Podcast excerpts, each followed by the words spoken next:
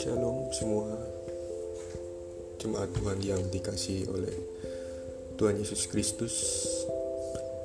Bertemu kembali dalam podcast Sola Gracia Ministry Yang akan membahas mengenai seri pengakuan iman rasuli yaitu Aku Percaya. Saudara-saudara, pengakuan iman rasuli ini kita ucapkan setiap hari minggu dari cara mengucapkannya ada banyak orang yang tidak mengerti artinya. Pengakuan iman rasuli adalah menyatakan kenapa saya menjadi anak Tuhan. Dan saya siap apa pun yang Tuhan minta akan saya lakukan. Saya siap hidup dan mati bagi Tuhan yang saya percayai ini. Karena saudara pada waktu firman Tuhan mengatakan siapa yang berseru pada nama Tuhan akan diselamatkan. Itu terjadi dalam konteks bahwa kalau mereka sampai berani mengatakan dan orang tahu mereka adalah anak Tuhan. Pengikut Kristus, orang yang telah ditebus oleh Kristus.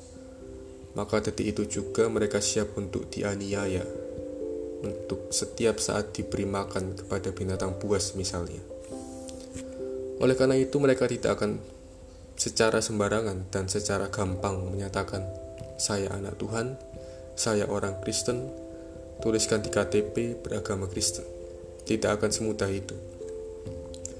Karena saya tahu pada saat saya mengatakan aku percaya, pada saat saya berseru menyerukan nama Tuhan, setiap detik saya siap diapakan saja. Saya siap menerima apa saja dan saya tidak akan pernah merasa rugi akan hal itu. Dan saya tidak akan merasa kecewa dan tidak puas. Tuhan Yesus menggambarkan orang yang telah menerima Tuhan Yesus sebagai juru selamat, sebagai orang yang mencari mutiara dan menjual mutiara. Kemudian pada saat ia mendapatkan satu mutiara, rela melepaskan 100% semuanya dari yang telah ia miliki untuk mendapatkan yang satu ini. Kalau yang namanya pedagang tidak akan rela melepaskan apa yang sudah ada di genggamannya sebelum dia betul-betul yakin bahwa apa yang didapatkannya itu jauh lebih bernilai dari apa yang dia punya. Di sini dengan jelas menyatakan bahwa seseorang yang menerima Tuhan Yesus Kristus sebagai juru selamat, dia yang beriman kepadanya, dia betul-betul tahu yang dia percaya. Ini jauh lebih bernilai dari apa pun atau siapa pun yang ditawarkan dunia ini dan dari segala pemikiran dunia yang coba dicekokkan kepada kita dengan mengatakan ada yang lebih bernilai daripada Kristus. Itu kita tahu dengan jelas bahwa Dia adalah segala-galanya. Oleh karena itu penting sekali pada saat kita menyatakan aku percaya. Kita tahu dengan jelas siapa yang dapat dipercaya. Apa yang dipercaya dan kenapa kita percaya dan tahu betul apa resiko dari semua yang kita percaya itu. Makanya kita akan memulainya dengan dua kata pertama yaitu aku percaya. Kita bisa melihat di dalam Roma 3 ayat 20 sampai 28. Roma 3 ayat 20 sampai 28 berkata demikian. Roma 3 ayat 20 sampai yang ke 28 berkata Sebab tidak seorang pun yang dapat dibenarkan di hadapan Allah oleh karena melakukan hukum Taurat. Karena justru oleh hukum Taurat orang mengenal dosa. Tetapi sekarang tanpa hukum Taurat kebenaran Allah telah dinyatakan seperti yang disaksikan di dalam kitab Taurat dan kitab para nabi yaitu kebenaran Allah oleh karena iman kepada Yesus Kristus bagi semua orang yang percaya sebab tidak ada perbedaan karena semua orang telah berbuat dosa dan telah kehilangan kemuliaan Allah, dan oleh kasih karunia telah dibenarkan dengan cuma-cuma karena penebusan dalam Kristus Yesus. Kristus Yesus telah ditentukan Allah menjadi jalan pendamaian karena iman dalam darahnya. Hal ini dibuatnya untuk menunjukkan keadilannya, karena ia telah membiarkan dosa-dosa yang telah, terjadi dahulu pada masa kesabarannya. Maksudnya ialah untuk menunjukkan keadilannya pada masa ini supaya nyata bahwa ia benar dan juga membenarkan orang percaya pada Yesus. Jika demikian, apakah dasar yang untuk bermegah? Tidak ada. Berdasarkan apa? Berdasarkan perbuatan? Tidak, melainkan berdasarkan iman. Karena kami yakin bahwa manusia dibenarkan karena iman, bukan karena ia melakukan Ayat ini diangkat karena ada suatu kepercayaan bahwa orang bisa diselamatkan, pulih kembali hubungan dengan Tuhan melalui perbuatan baiknya. Dengan ia melakukan hukum Taurat, makanya dia bisa diselamatkan. Padahal sebenarnya, kalau saudara perhatikan dari sejak perjanjian lama, hukum itu diberikan kepada umat itu, diberikan setelah umat itu ditebus, bukan sebelum umat itu ditebus. Jadi, dia sudah jadi umat dahulu baru dia diberikan 10 hukum Taurat. Dengan kata lain, setelah dia diselamatkan, setelah dia menjadi anak Tuhan, Bapak mengatakan, maka seharusnya pola pikir kamu sekarang pola pikir anak Tuhan. Dan perilaku kamu adalah perilaku anak Tuhan. Saudara-saudara, jelas sekali di sini dikatakan bahwa iman di dalam Kristus, iman yang benar itu penting. Karena itu mempengaruhi seluruh aspek dan perilaku kita dalam hidup di dunia ini. Sekarang, kenapa dikatakannya aku percaya? Kenapa bukan kenapa aku, bukannya kami atau kita?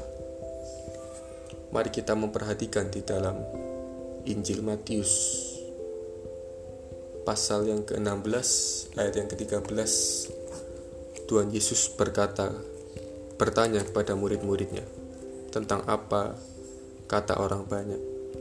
Dikatakan kata orang Siaya ini siapa?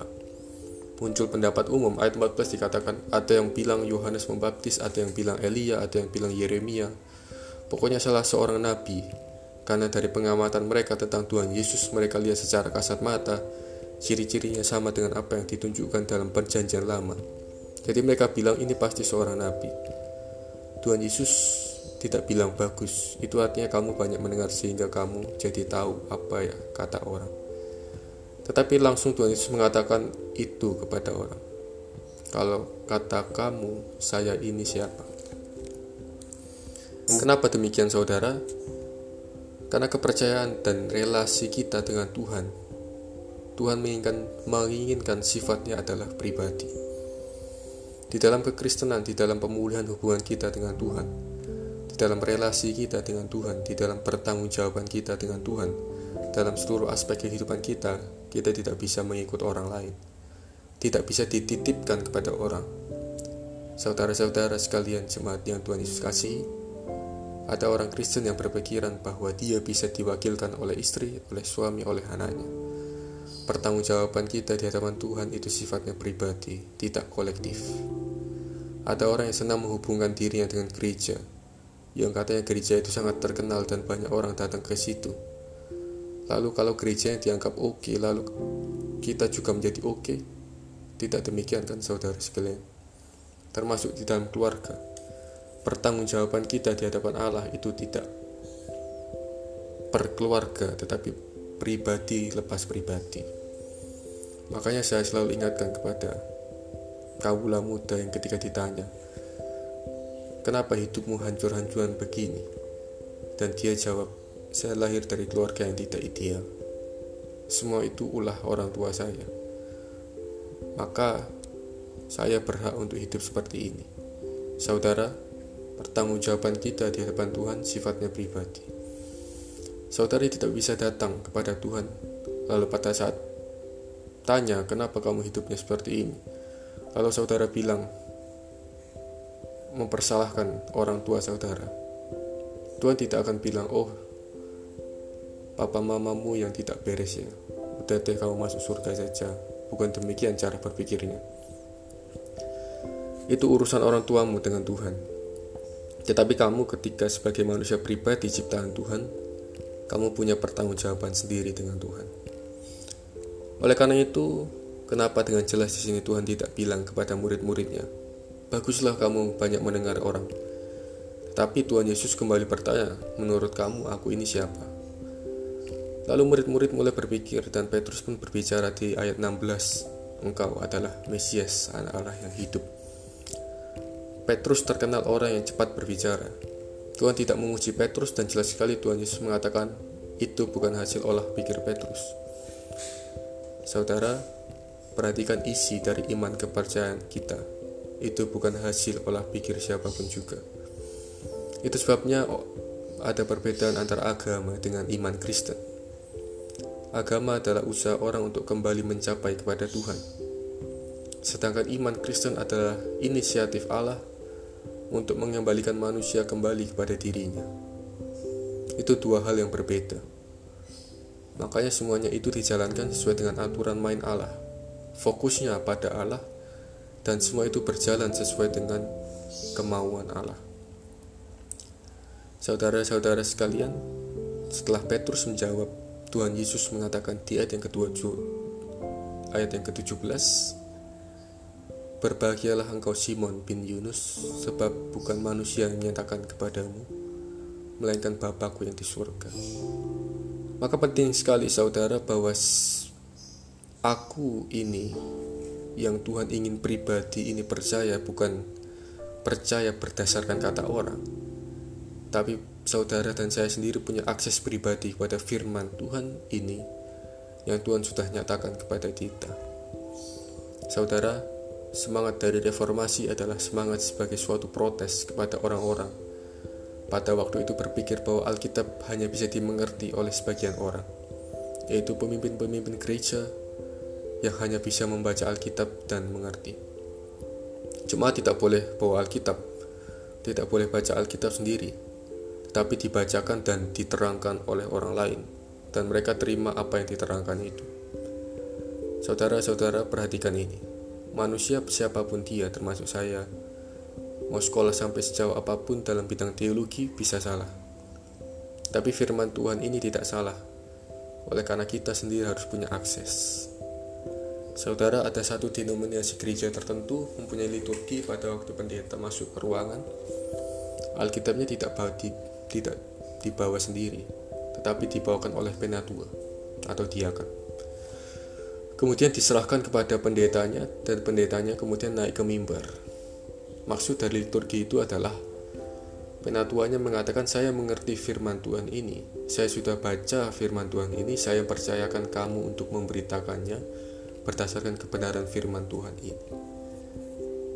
Dan saya duduk di sana tentu ingin diajar oleh firman dan saya pastikan bahwa semua yang kamu katakan itu adalah cocok dengan firman Tuhan sehingga kalau pendetanya salah atau tidak cocok dengan firman Tuhan itu mereka harus tahu di dalam 1 Petrus 3 15 sampai 16 yang menyatakan karena yang diminta untuk selalu siap mempertanggungjawabkan iman itu adalah semua anak Tuhan, bukan hanya pendeta. Saudara-saudara, ada kisah seorang anak yang kalau dia ke sekolah minggu selalu bawa Alkitab. Ia suka digodain oleh guru sekolah minggunya dengan berkata, Aduh kecil-kecil bawa Alkitab segala buat apa? Kemudian anak ini menjawab, Ya nanti kalau ibu sudah cerita saya mau nanya Ibu ceritanya dari mana ayatnya? Nanti saya mau baca cerita ibu cocok tidak sama Alkitab saudara? Saudara saya harapkan semua anak sekolah minggu Saudara di tempat seperti ini sehingga guru-gurunya tidak akan sembarangan persiapan. Itu yang seharusnya terjadi saudara dari anak sampai orang tua.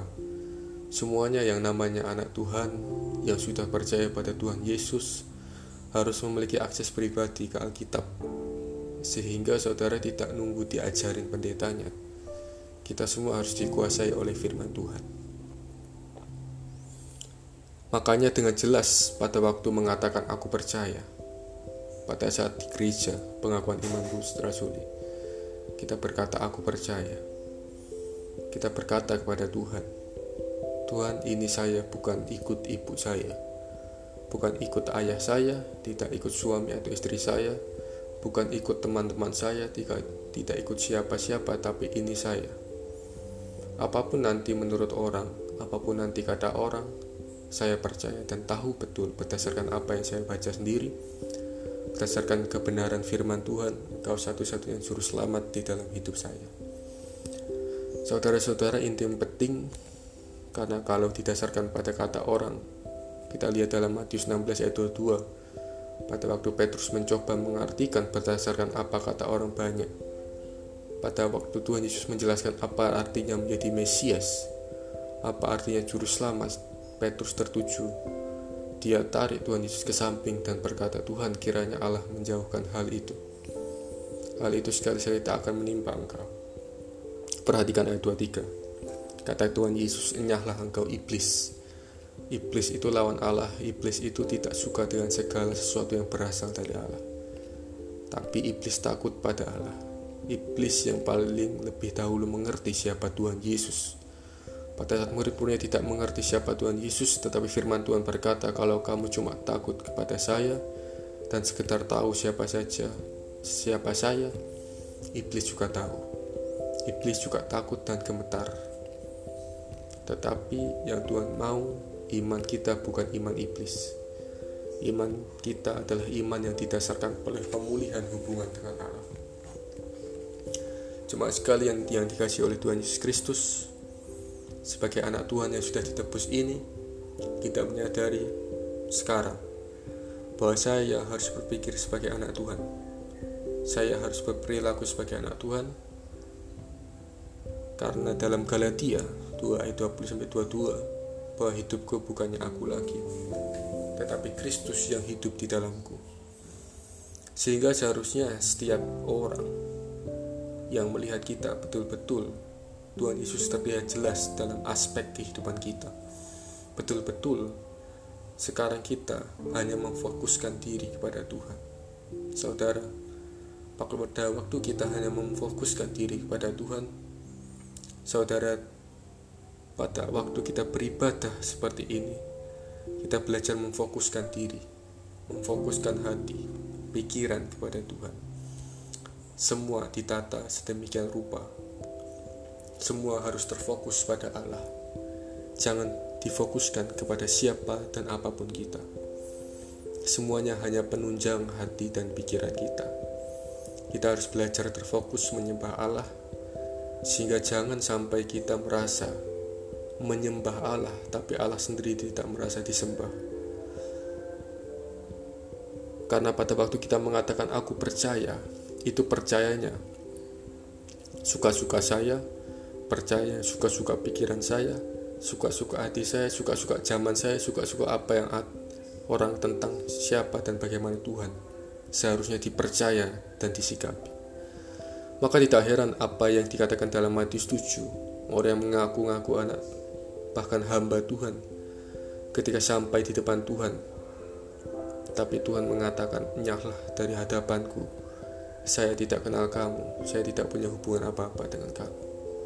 Karena itu, mari saudara jemaat Tuhan, setiap kita mengatakan, ya Tuhan, Tuhan engkau tahu hati saya, Tuhan tahu pikiran saya, Tuhan tahu apa yang saya percaya, itu karena saya sudah belajar firman Tuhan baik-baik. Kau tahu yang saya percaya dan mengerti bahwa saya orang berdosa dan tidak ada pengharapan di luar Kristus.